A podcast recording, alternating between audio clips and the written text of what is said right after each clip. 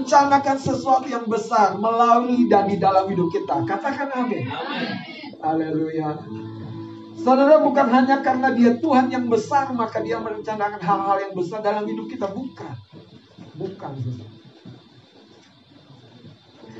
Karena pada hal yang mendasar anda dan saya seperti Adam dan Hawa ditempatkan di bumi di, di Eden untuk memelihara saudara, untuk memelihara, untuk mengembangkan, mengelola. Artinya engkau dan saya punya tugas. Katakan saya punya tugas. Tugas kita bukan sekedar pelayanan, bukan sekedar pekerjaan, tapi memelihara kehidupan. Nah, bicara kehidupan, itu luas aspeknya di rumah tangga, di pekerjaan, bahkan di masyarakat, di negara dan bangsa kita, di dunia bahkan. Ada amin? Tapi semuanya itu, keberdampakan kita itu tergantung seberapa berkualitasnya pribadi kita. Seberapa berkualitasnya, saudara. Saya mau contohkan. Uh, mic wireless ini coba tolong satu. Mas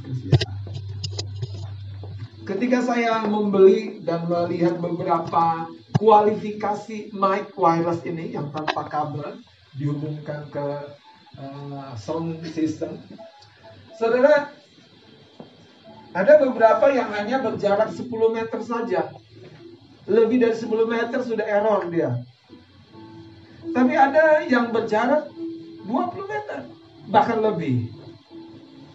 Jadi keberdampakan kita itu tergantung sekali bagaimana kualitas kita. Semakin mic ini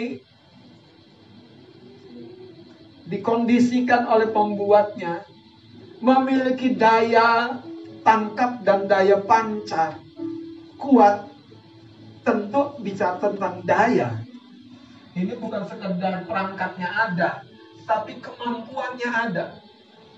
Ini Anda harus pahami. Kadang-kadang kita ngerti perangkatnya ada, tapi kemampuannya nggak ada. Seperti handphone kita. Punya banyak kemampuan, tapi dayanya nggak ada, apa boleh buat? Dayanya yang pertama itu baterainya. Dayanya kedua tentu pulsanya. Kalau pulsanya nggak ada, dan daya yang ketiga paket datanya. Haleluya. Anda mau download apa, Anda mau upload apa itu tergantung bagaimana kuotanya. Kuotanya. Nah jadi seberapa besar keberdampakan kita tergantung sekali kepada kualitas Anda dan saya. Mari kita buka Matius pasal yang ke-25. Pagi hari ini kita akan belajar kualitas kerajaan gereja yang berdampak. Kalau boleh saya tambahkan angka dua di depannya. Dua kualitas kerajaan. Hanya dua sebetulnya. Dua itu berbicara tentang apa? Yang pertama, kesanggupan kita untuk mengelola pekerjaan atau sesuatu yang tidak berkaitan sama sekali dengan manusia. Bagaimana Anda mengelola perkara-perkara yang lahiriah, kata Rasul Paulus. Tapi yang kedua adalah bagaimana kita mengelola hal-hal yang terkait dengan orang lain, dengan sesama. Dua hal ini, saudara. Tidak heran banyak orang bisa hebat di satu sisi, tapi lemah sekali di sisi yang lain. Dia kayaknya hebat, saudara, kalau berjumpa dengan manusia. Tapi kalau bicara tentang hal-hal yang keseharian di kehidupannya, banyak kebocoran terjadi. Banyak kebocoran. Banyak, saudara, kerusakan terjadi. Dan itu tentu saudara adalah wujud dari yang di dalam. Kualitas yang di dalam ini akan kelihatan di luar. Betul? Betul? Katakan kualitas yang di dalam akan kelihatan di luar. Coba salami kanan kirimu. Kelihatan nggak kualitasnya? Coba tengok dulu, kelihatan nggak? Oke, buka Matius pasal yang ke-25.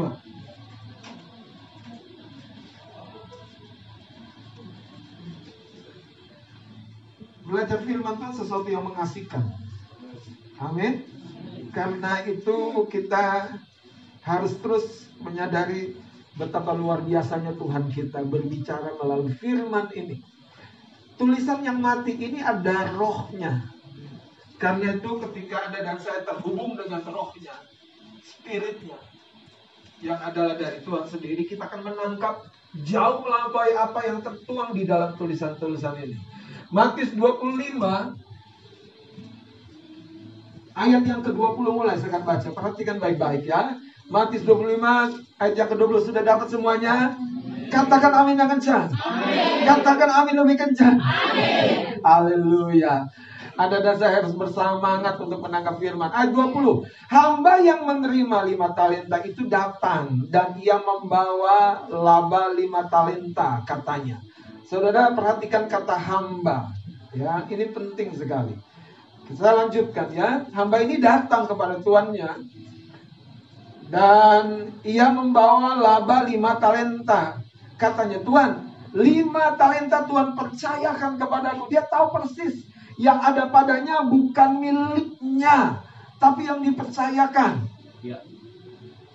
Terus, lihat aku telah beroleh laba lima talenta. Telah beroleh laba lima talenta. Artinya dari satu, dua, tiga, sampai yang kelima. Talenta ini mungkin tidak sama. Talenta ini mungkin beragam. Tetapi apa pun yang di tangan hamba ini berlaba. Haleluya. Saya berdoa bisnis Anda tidak akan makin surut, tapi makin naik. Iya, hubungan Anda tidak makin surut, tapi makin meluas, makin berdampak. Kata-kata Anda makin berbobot, makin berkualitas, makin menyentuh, makin menginspirasi. Bukan makin menakutkan buat orang. Wah kalau dia ngomong, wah yang kita dengar cuma keluhan. Ketakutan, kekhawatiran. Pemikiran-pemikiran kita tuh menjadi solusi buat orang lain. Bukankah itu luar biasa? Anda tidak lagi mencari solusi, tetapi Anda membagikan solusi. Kelima talenta ini, bagaimana dengan kita anak-anak muda? Lima talenta ini berbicara dengan apa? Ibu-ibu, bapak-bapak. Lima talenta dalam hidup kita ini berbicara tentang apa? Apakah semuanya berbuah? Berbuah. Kita lanjutkan ya. Ayat 21, maka kata tuannya itu kepadanya, lihat dipujinya dia, baik sekali perbuatanmu itu, baik banget perbuatanmu itu. Terus ditambahkan begini, hai hambaku yang baik dan setia. Baik ini berbicara tentang cakap, Bukan sekedar karakter, baik dan setia. Ya, setia tentang karakter. Terus dikatakan, engkau telah setia dalam perkara kecil. Aku akan memberikan kepadamu tanggung jawab dalam perkara yang besar. Kalimat yang terakhirnya Anda tidak boleh hapus. dikatakan apa? Masuklah. Masuklah dan dalam apa? Jadi kita ada waktunya bekerja, ada waktunya menerima reward. Jadi waktu bekerja jangan jangan terlalu khawatir dan dan takut, saudara. Ah, nanti gimana ya Tuhan Tuhan Tuhan balas nggak ya Tuhan Tuhan berikan ganjaran nggak? Saudara ingat ayat ini. Ketika kita baik dan setia, cakap dan betul-betul dalam kapasitas karakter kita. Alkitab yang berkata, masuklah ketika kita telah bekerja, tahap yang kedua, tuannya berkata, masuklah. Tapi yang menarik, ini proses akan terjadi berulang-ulang. Bekerja, masuk dan menikmati. Bekerja, masuk dan menikmati. Itu terjadi dalam setiap tahapan kepercayaan yang Tuhan berikan kepada kita. Makanya begini, coba renungkan sebentar. Anda sedang dipercaya apa kepada Tuhan? Ada sedang dipercaya apa oleh Tuhan. Setiap kepercayaan yang diberi, ah, ini yang luar biasa. Di ujung sana, setelah kita baik dan setia, Tuhan akan berkata, masuk dan turutlah. Kenapa saya berkata begini? Yang lima talenta, nanti akan dipercaya talenta lagi. Akan dipercaya lagi perkara yang lebih besar. Dan akan terima reward yang lebih besar lagi. Katakan haleluya. Kekasih-kekasih Tuhan, mari kita berespon kepada firman Allah. Saya mau mempola Anda jadi pribadi yang berespon. Yang pertama berespon dengan mata Anda. Mata Anda jangan biarkan saudara lemah. Tatap saya. Haleluya. Kenapa? Kalau Anda tatap saya, Anda tahu ada api di mata saya. Ada gairah di mata saya. Ada semangat di mata saya. Tidak mungkin ada keredupan di mata saya. Karena orang yang di dalamnya ada firman, Alkitab yang berkata, dia akan mengalirkan, memancarkan api, yaitu firman dari dalamnya. Haleluya. Yang kedua, Anda perlu berespon dengan apa? Dengan mulut Anda. Anda perlu berkata amin. Ya, saya percaya, saya terima. Anda perlu berkata begitu. Katakan amin. amin. Katakan saya terima. Saya Katakan saya tangkap. Haleluya. Saudara Bartimius, seorang pengemis buta. Yesus tidak berencana untuk memulihkan, menyembuhkan dia. Tetapi Bartimius berteriak. Memanggil Yesus. Tidak berhenti. Sampai Yesusnya berhenti. Panggilannya tidak berhenti. Sampai Yesusnya berhenti. Katakan berespon. Haleluya. Saudara, itu yang membuat Bartimius berbeda. Yesus hanya lewat. Yesus hanya lewat. Tapi Bartimius melihat, Yesus anak Daud, kasihani aku. Itu yang membuat Yesus berkata dan bertanya kepada Bartimius, apa yang engkau ingin aku perbuat kepadamu? Hari ini kita perlu bangkit jadi gereja yang berespon. Lihat firman Allah selanjutnya. Tuannya berkata, masuklah dan turutlah dalam kebahagiaan Tuanmu. Ayat 22. Lalu datanglah hamba yang menerima dua talenta itu katanya, Tuhan, dua talenta Tuhan percayakan kepadaku, lihat, aku telah beroleh laba dua talenta. Dua talenta ini jenisnya saya percaya berbeda. Ini bicara tentang dua hal dalam hidup kita yang dipercayakan. Pujiannya sama. Jadi yang terima lima dipujinya sama, yang terima dua dipujinya sama. Kasih tahu kanan kirinya, aku dan engkau dipujinya sama. sama. Mungkin saya bicara orang yang terima lima talenta. Mungkin Anda orang yang dipercayakan dua. Tetapi di hadapan sang Tuhan, kita dipujinya sama. Saya tidak dipujinya berlebihan dari kita. Saya menguatkan 50. Tapi Anda menguatkan seorang di sebelah Anda, dipujinya sama. Kuatkan yang di sebelahmu. kuat, kuat, kuat. Haleluya. Kita dipujinya sama. Saudara, yang terakhir kita ngelihat. Kini datanglah ayat 24 Ham, juga hamba yang menerima satu talenta dan berkata, Tuhan, aku tahu bahwa Tuhan adalah manusia yang kejam, yang menuai di tempat di mana Tuhan tidak menabur dan yang memungut dari tempat di mana Tuhan tidak menanam. Aku karena itu aku takut dan pergi menyembunyikan talenta itu di dalam tanah. Ini, terimalah kepunyaan Tuhan. Kalau Anda jadi tuannya itu kira-kira apa yang Anda akan lakukan? Ah, dilibas ah dilibas. Kan batak-batak kali.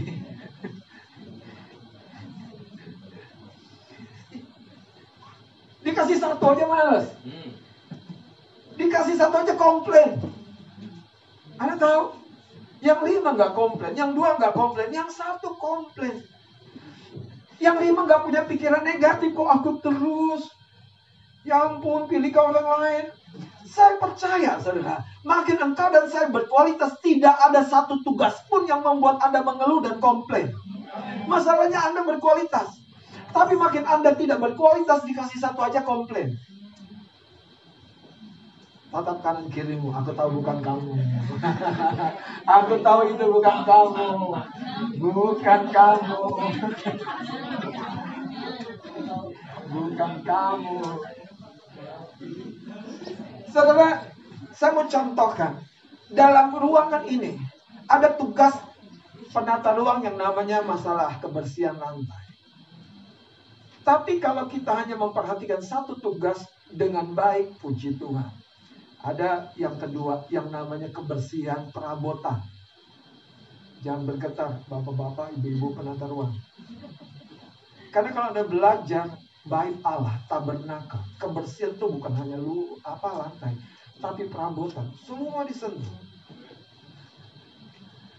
Ya.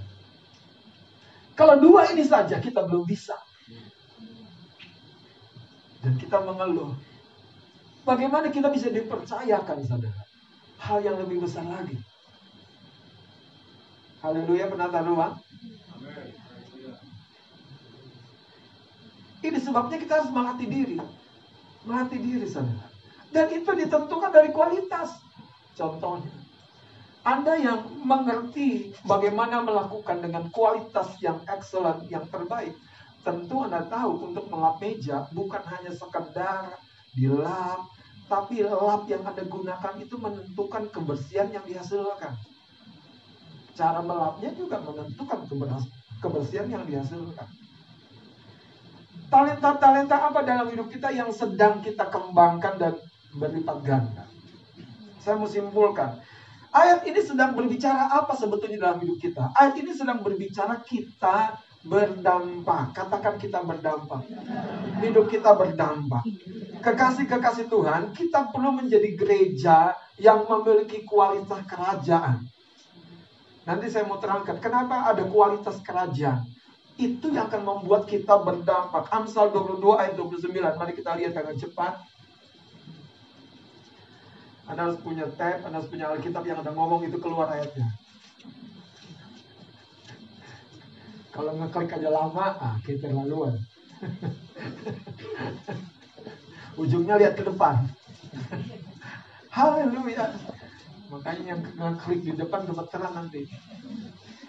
Ayat 29 kita baca sama-sama 2 3. Pernahkah kau melihat orang yang cakap dalam pekerjaannya di hadapan raja-raja ia akan berdiri, bukan di hadapan orang-orang yang.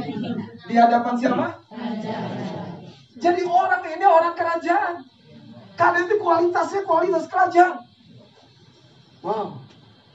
Pernahkah kau melihat orang yang cakap? Cakap, terampil, baik tadi dikatakan. Di dalam apa? Pekerjaannya. Di hadapan raja-raja.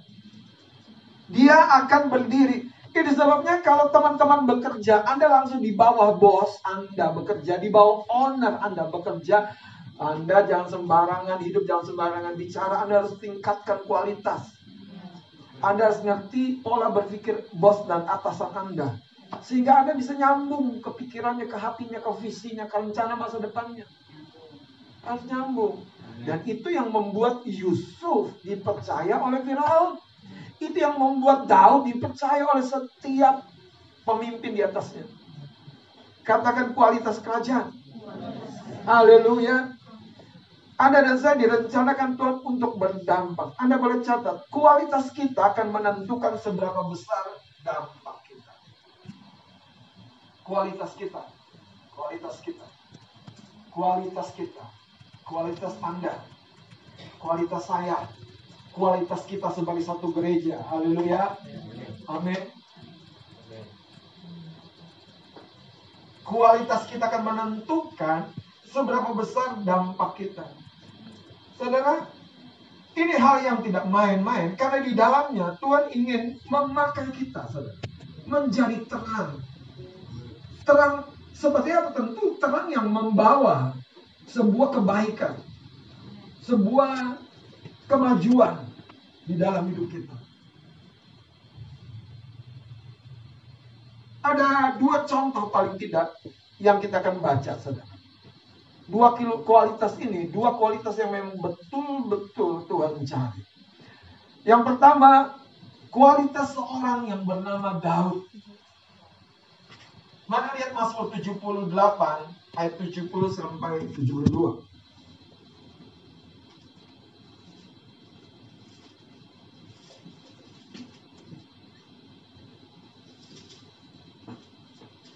Tolong seseorang boleh baca. Mazmur 78 ayat ya. 70 dipilihnya Daud hambanya diambilnya dia dari antara kandang-kandang kambing domba. Yang pertama, ini kan catatan Alkitab yang berkata, dipilihnya Daud, Tuhan memilih Daud, hambanya itu diambilnya dia dari antara mana? Dari antara kandang-kandang kambing domba pekerjaan sehari-hari. menentukan perjalanan kita ke atas ke depan ke mana. Menentukan promosi yang Tuhan akan berikan seperti apa. Ketika Tuhan memilih Daud, Tuhan tidak memilih Daud dari perguruan tinggi, sekalipun itu bisa terjadi dengan kita. Tapi yang menarik di sini Tuhan memilih Daud dari kandang-kandang kambing domba. Apa yang sedang dimaksud? Setiap area tugas kita adalah area pembentukan kualitas. Anda mungkin seorang yang juru ketik, jadilah berkualitas. Kita mungkin hanya pegang sapu, jadilah berkualitas. Area tugas kita adalah area pembentukan kualitas kita. Lanjut. Dari tempat domba-domba yang menyusui. Apa yang dimaksud saudara dari tempat domba-domba yang menyusui? Daud mengerti bagaimana saudara merawat domba sampai di titik yang paling kritis yang namanya proses kelahiran dari seekor domba. Proses perawatan dari domba-domba kecil, domba yang menyusui. Coba lihat saudara, dari tempat domba-domba yang menyusui. Saya berdoa kita tidak lagi jadi domba-domba yang disusui. Tetapi memberikan susu kepada domba-domba baru. Anak-anak Tuhan yang baru. Jiwa-jiwa yang baru. Kita tidak lagi selfish. Kita hanya pusing dengan diri kita, baju kita, kendaraan kita, ongkos kita. Kita tidak lagi pusing itu. Kenapa? Karena kita sudah handle itu. Kita sudah tangani itu. Bukannya kita abaikan loh. Kita sudah tangani itu, saudara. Bahkan ketika Anda makin bertumbuh, Anda tahu. Dengerin baik dengan saya. Anda tahu. Di titik tertentu Anda perlu supir. Anda perlu pegawai. Anda perlu baju yang sudah disetrika rapi. Anda perlu segala sesuatu yang tidak Anda sendiri kelola. Sehingga Anda bisa mengelola hal lain yang lebih besar dampaknya yang Tuhan inginkan. Rumah, saudara. Kadang-kadang kita perlu orang lain. Asisten rumah tangga. Sehingga apa? Kita tidak sibuk. Tetapi semuanya ketika sang raja yang mempercayakan itu kepada kita datang. Dijumpainya saudara. Kita jadi hamba yang berkualitas. Haleluya. Amin. Kekasih-kekasih Tuhan. Buat rumah kita yang hanya dua petak itu menjadi kerajaan kita. Ketika Tuhan tengok, eh indah sekali kerajaanku.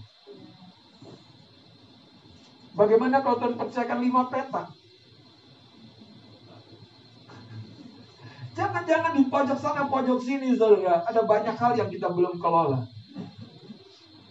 Mari kita bangun saudara kualitas kita sehingga kita akan berdampak. Lanjut dikatakan. Dari tempat domba-domba yang menyusui, didatangkannya dia untuk mengembalakan Yakub, umatnya, dan Israel miliknya sendiri. Haleluya. Ia mengembalakan mereka dengan ketulusan hatinya Ya. dan menuntun mereka dengan kecakapan tangannya. Kita akan baca bersama dari kata ia mengembalakan. Dua, tiga. Ia mengembalakan mereka dengan ketulusan hatinya dan menuntun mereka dengan kecakapan tangannya. Katakan ketulusan hati. Kecakapan tangan. Kualitas karakter kita menyertai kualitas tangan kita bekerja. Kita nggak bisa ya jujur baik, sopan, maaf ya, tapi kurang benar dalam bekerja. Bekerja salah-salah terus, itu bahaya juga saudara. Betul nggak? Bayangkan kalau kayak ini, kayak Kak Yu, juru masak. Kita baik sama orang, tapi waktu masak nggak matang.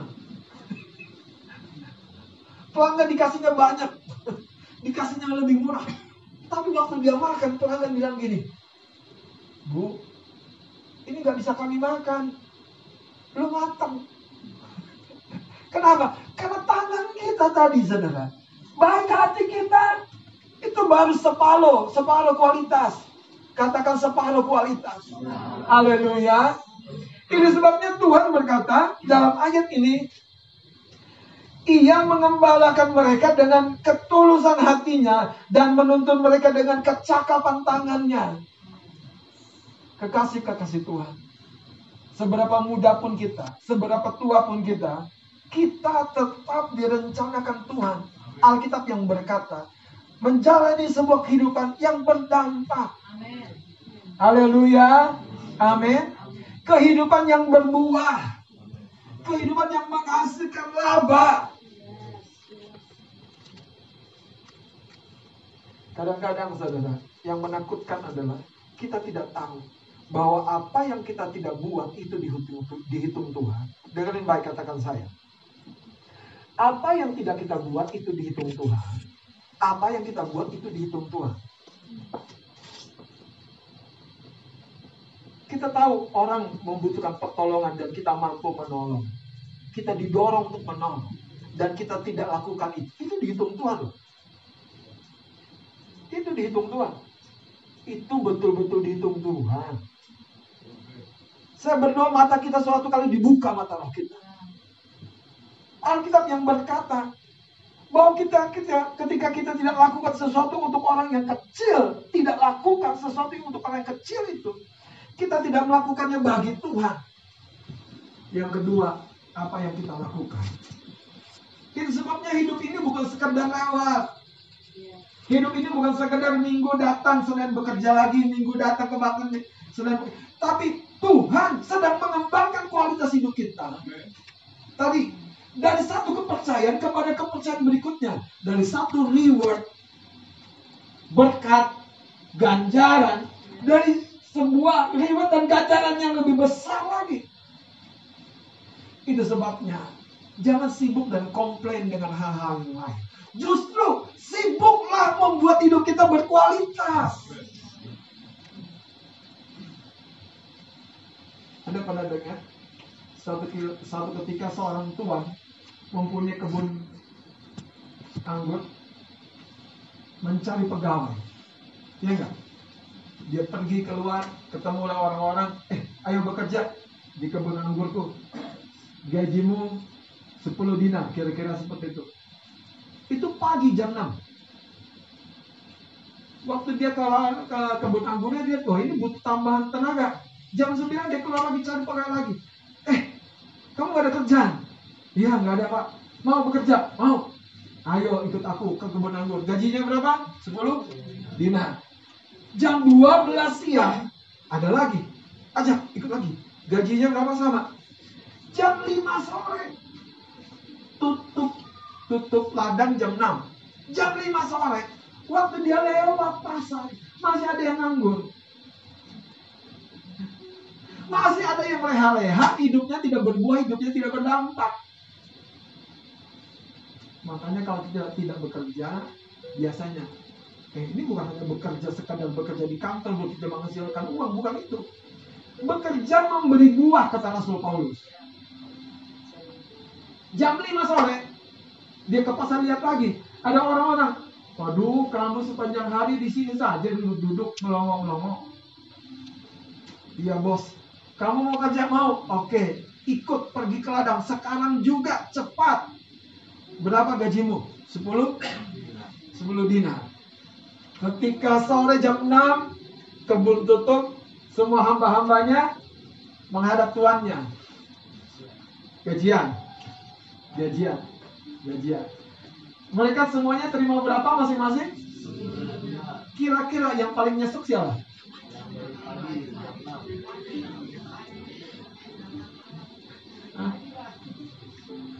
Yang bekerja dari paling pagi kan, paling nyesek itu. Terus yang paling begini, paling happy yang bekerja dari mana? Anda tahu gak sih? Yesus kasih perumpamaan itu sekaligus dia mau kasih tahu kita ini pekerja menjelang tutup kebun anggur. Kalau Anda tidak serius, upah Anda tidak ada sama sekali. Kita tuh jam 5 menjelang jam 6. Belum nangkep ya? Anda dan saya ini umat Tuhan menjelang kedatangan Tuhan pada kali yang kedua. Kalau Anda tidak perhatikan apa yang Anda dipercayakan kepada Anda dan Anda tidak bekerja, kita nggak akan dapat upah. Yang menarik adalah mari perhatikan kita Wahyu. Kita Wahyu. Saya bersyukur ada ayat ini. Ayat ini sebetulnya memperingati saya. Wahyu Wahyu pasal yang ke-14 sebetulnya bukan memperingati saya, tapi menakuti saya. Saudara, apa motivasi untuk seorang hamba bekerja lebih giat, lebih cepat? Takut sama bosnya dong. Eh, ini benar loh. Iya, iya. Bosnya mau datang. Bosnya mau datang. Bosnya mau datang.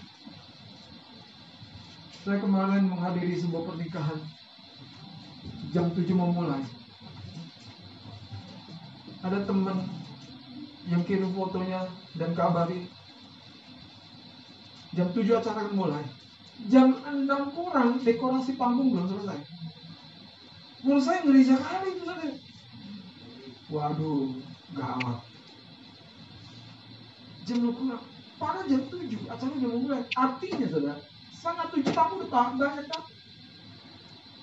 Wah, Kekasih-kekasih Tuhan kita tuh pekerja jam 5 menuju jam 6.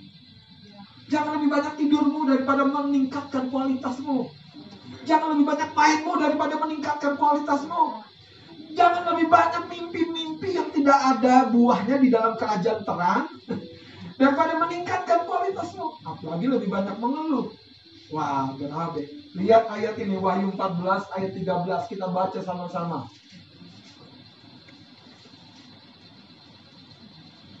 Sudah?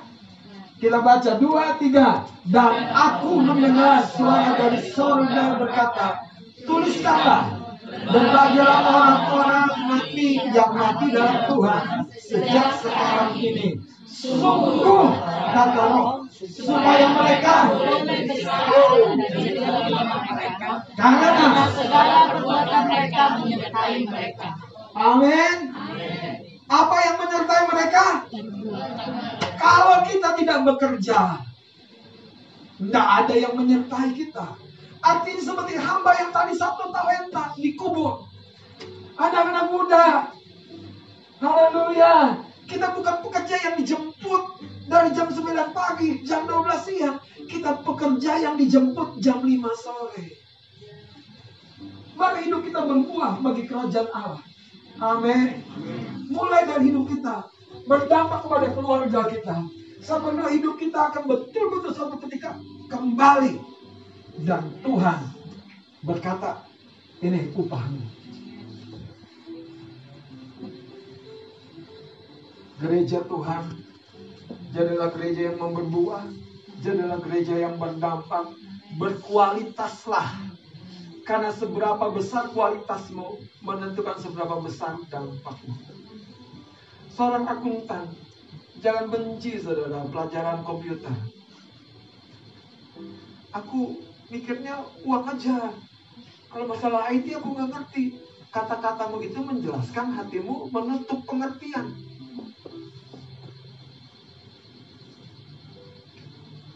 Ya, ada saudara pekerja-pekerja yang suka dengan hal-hal yang lain yang bersifat teknis. Dan kalau namanya melayani jiwa, aduh jangan aku disuruh melayani jiwa. Aku saja butuh dilayani.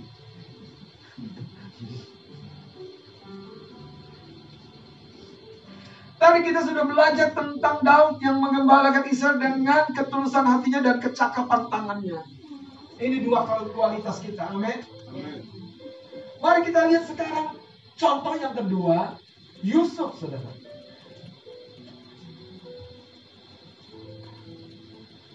Kita buka kitab kejadian yang pertama pasal 45 ayat 5. Yusuf seorang yang digembleng. Yusuf seorang yang dilatih. Yusuf seorang yang dilatih di rumahnya, di pekerjaannya, dilatih dalam sikap hatinya, dalam pekerjaannya. Coba lihat saudara ayat yang keempat dan kelima. Kejadian 45, tolong seorang baca. Lalu kata ya.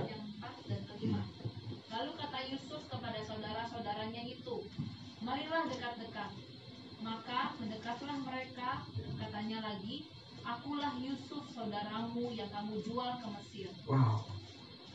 Tetapi sekarang janganlah bersusah hati dan janganlah menyesali diri karena kamu menjual aku ke sini, sebab untuk memelihara kehidupanlah Allah menyuruh aku mendahului kamu. Anda mengerti ketika hidup Anda berkualitas, keluarga Anda akan tidak mengenal lagi.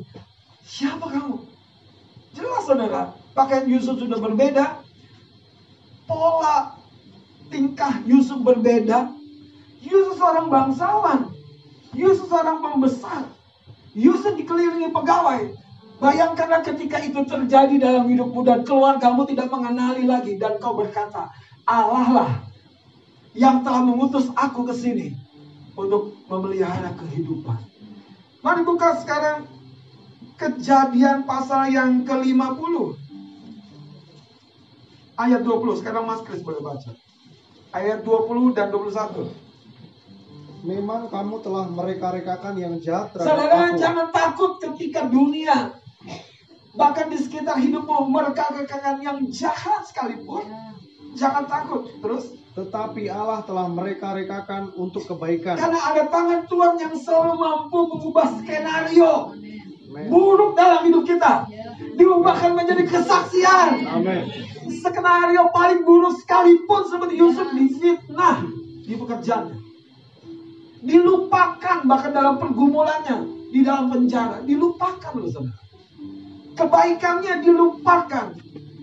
Tapi Allah telah menekan-rekan itu untuk kebaikan. Terus Dengan maksud melakukan seperti yang terjadi sekarang ini, ini orang yang tahu siapa dirinya. Orang yakni, yang tahu siapa dia di depan. Terus yakni memelihara hidup suatu bangsa yang besar. Wow, Yusuf seorang yang memberi makan dan memelihara suatu bangsa yang besar, yaitu Israel keturunan ayahnya. Lanjut. Jadi janganlah takut. Aku akan menanggung makanmu dan Hmm. makan anak-anakmu juga. Iya. Demikianlah ia menghiburkan mereka dan menenangkan hati mereka dengan perkataannya. Anda tahu, ketika kualitas kita bertambah-tambah, bertumbuh, dua jadi empat, empat jadi delapan, delapan jadi enam belas. Ketika itu terus terjadi, saudara, bahkan kita yang akan berkata kepada orang-orang, aku yang akan beri kamu makan. Aku yang akan tanggung makan kamu. Bahkan kita akan berkata, tenang, ada harapan di dalam Tuhan. Kenapa? Karena kita telah menjadi sebuah contoh yang real tentang Tuhan. Hari ini jangan sibuk saudara komplain. Sibuk meningkatkan kualitas. Sibuk memperbaiki saudara kualitas. Karena hanya orang yang berkualitas tadi Alkitab berkata akan berdiri di hadapan raja-raja. Kualitas ini bukan hanya bicara kecakapan tangan kita, kualitas karakter kita. Kualitas ini yang akan menentukan satu kali kita kembali di kekekalan di hadapan tahta Allah. Perbuatan kita akan menyertai kita, Amin. akan menjadi takaran kita di hadapan Tuhan. Ini sebabnya jangan berhenti berbuah, jangan berhenti berdampak. Amin. Haleluya. Jangan berhenti berkembang, jangan berhenti bertumbuh. Amin. Saudara, Yusuf itu seorang yang mungkin ber- berpikir, saudara, curiga kepada Tuhan. Tuhan, kenapa aku sebegitu tidak beruntungnya hidup? Anda tahu, dijual oleh keluarga dan saudara-saudaranya pada dapat mimpi dari Tuhan. Bekerja sebagai budak artinya kehilangan identitasnya. Dijual saudara di pasar budak Yusuf dikasih anting-anting budak. Ini budak jualan. Kita belum apa-apa. Yusuf dibeli, saudara, dibeli.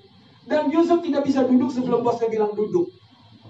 Yusuf gak bisa ma- bawa masuk ke rumah sebelum bosnya bilang masuk. Yusuf gak bisa makan sebelum bosnya bilang selesai makan. Itu Yusuf. Tapi dalam proses itu yang menarik adalah Yusuf baik dan setia. Karakternya tidak berubah jadi pahit. Bahkan kecakapan tangannya tidak dilepaskan. Ah, malas ah. Ada banyak orang kecewa dan berkata, malas ah. Benar nggak? Benar nggak? Ada banyak orang berkata, alah, ngapain? Aku nggak dihargai. Tapi Yusuf bukan hanya nggak dihargai, dilupakan, difitnah. Tapi yang menarik, Allah telah mengubah itu menjadi anak tangga, anak tangga, anak tangga, anak tangga membuat Yusuf naik ke tempat yang paling tinggi di Mesir. Hmm. Saya berdoa kalau engkau fokus kepada meningkatkan kualitas tidak ada yang bisa menahan perjalanan naik ke tinggi ke tempat tinggi. Amin. Amin. Haleluya. Hari ini coba renungkan kualitas apa yang sedang kita kembangkan dalam hidup kita. Daud telah setia dengan dua tiga ekor kambing domba sebagai pemimpin kelompok kecil. Berapa setia dan berkualitasnya saudara kita mengelola.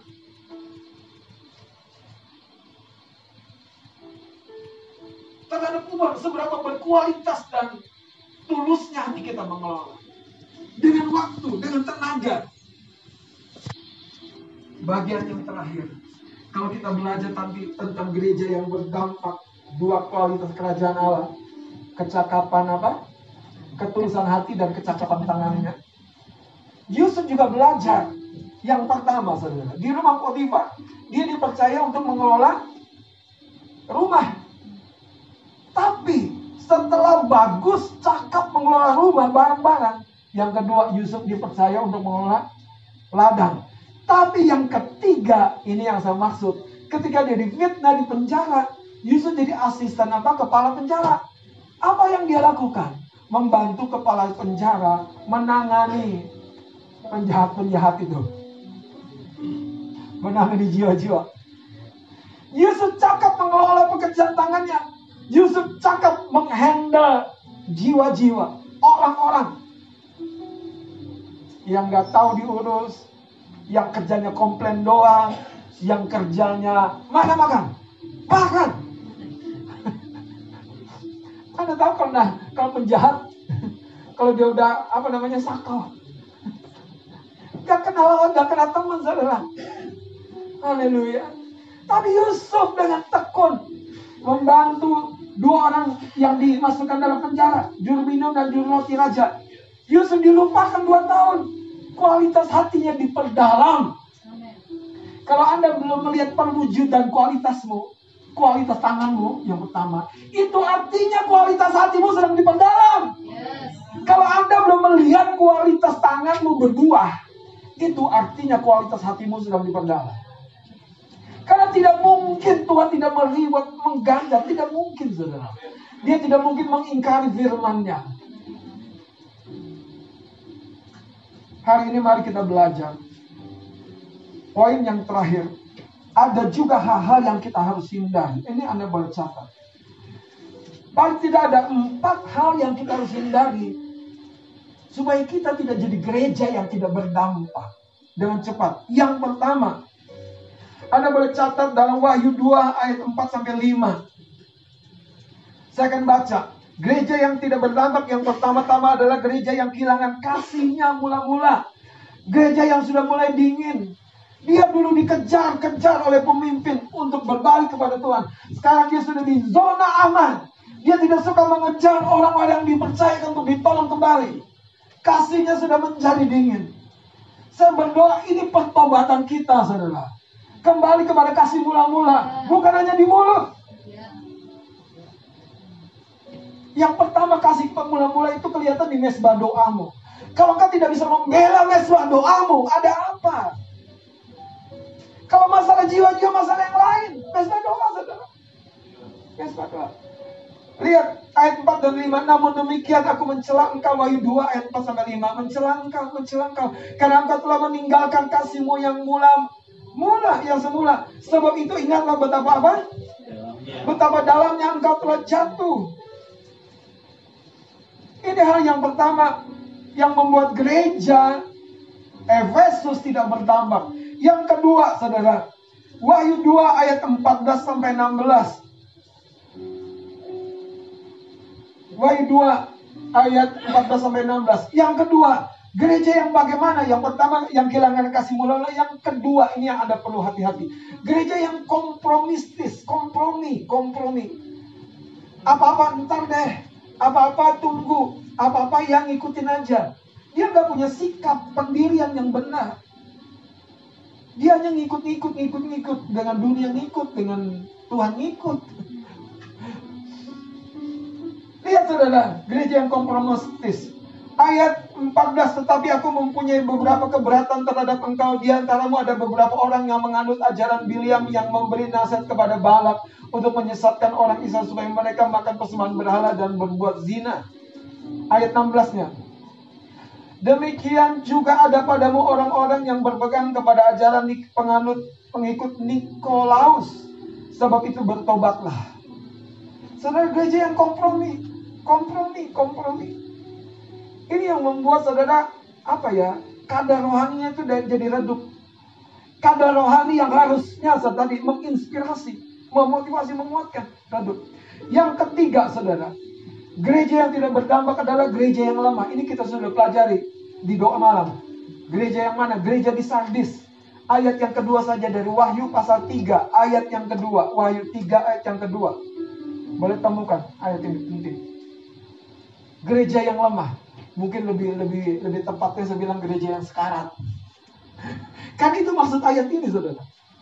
Maksud ayat ini coba lihat. Kita perhatikan ya. Bangunlah dan kuatkanlah apa yang masih tinggal yang sudah hampir mati.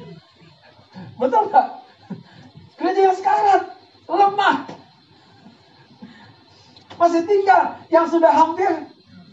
Ini di ICU, saudara. Tapi tetap gereja tua. Sebab tidak satu pun dari apa? Ah. Haleluya. Katakan aku tidak demikian.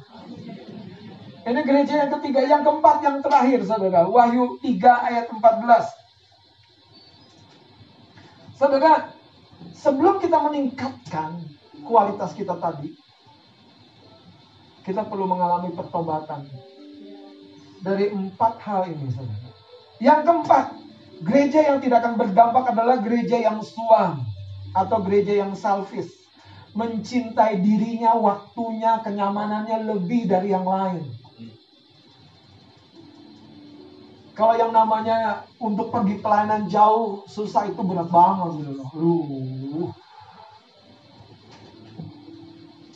Wahyu 3 ayat 14 kita baca sama-sama. 2 3 dan tuliskanlah kepada malaikat jemaat di Laodikia inilah firman dari Amin saksi yang setia. Terus? Nah kita buka saja Wahyu pasal 3 supaya kita lihat apa teguran ayat yang ke 15 dan ke 16 kita baca dua tiga Aku tahu segala pekerjaanmu, engkau tidak dingin dan tidak panas. Alangkah baiknya jika engkau dingin atau panas. Jadi karena engkau suam-suam kuku dan tidak dingin atau tidak panas.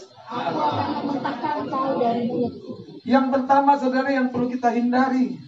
Gereja yang tidak berdampak Gereja yang tentu kualitasnya semakin menurun adalah gereja yang kehilangan kasih mula-mula. Betul nggak? Apa yang Anda cintai, apa yang Anda akan kejar. Anda tidak mencintai, mana mungkin Anda kejar. Kasih mula-mula kita penting. Yang kedua, saudara, gereja yang kompromi, kompromi terus, kompromi dengan waktu, kompromi dengan tugas, kompromi, kompromi. Janji begini tapi nggak ditepati, janji begini nggak ditepati, itu semua karena apa? Karena kompromi. Yang ketiga, gereja yang bagaimana? Tadi gereja yang sekarat, hampir mati, udah lemah. Nah dia perlu datang kepada pemimpin, mencari pertolongan. Kepada mereka rohani, mencari pertolongan. Yang keempat, yang terakhir, gereja yang apa? Gereja yang salvis. Kualitas kita menentukan keberdampakan kita. Kekasih-kekasih Tuhan. Yang dipercaya satu talenta, mengeluh, marah. Yang dipanggil pagi untuk bekerja, mengeluh marah. Tuhan berkata begini, bukankah aku yang punya pekerjaan? Bukankah aku yang punya upah? Kalau kepada siapa aku mau memberi sepatutnya, iya aku akan beri. Bukankah kita sudah sepakat? Hari ini kita tidak akan menjadi gereja yang kehilangan upah. Amin. Kalau Anda dipercaya untuk membimbing orang tua lansia, jadilah orang kepercayaan Tuhan. Kalau Anda dipercaya untuk membimbing anak-anak muda, jadilah orang kepercayaan Tuhan. Kalau Anda dipercaya urusan kantin, Jadilah orang kepercayaan Tuhan. Kalau ini dipercaya untuk area mimbar ini, saudara. Jadilah orang kepercayaan Tuhan. Satu hari kelak, entah Anda dua talenta, entah ada satu talenta, atau Anda lima talenta. Dipujinya sama. Dipujinya sama. Mari kita bangkit dari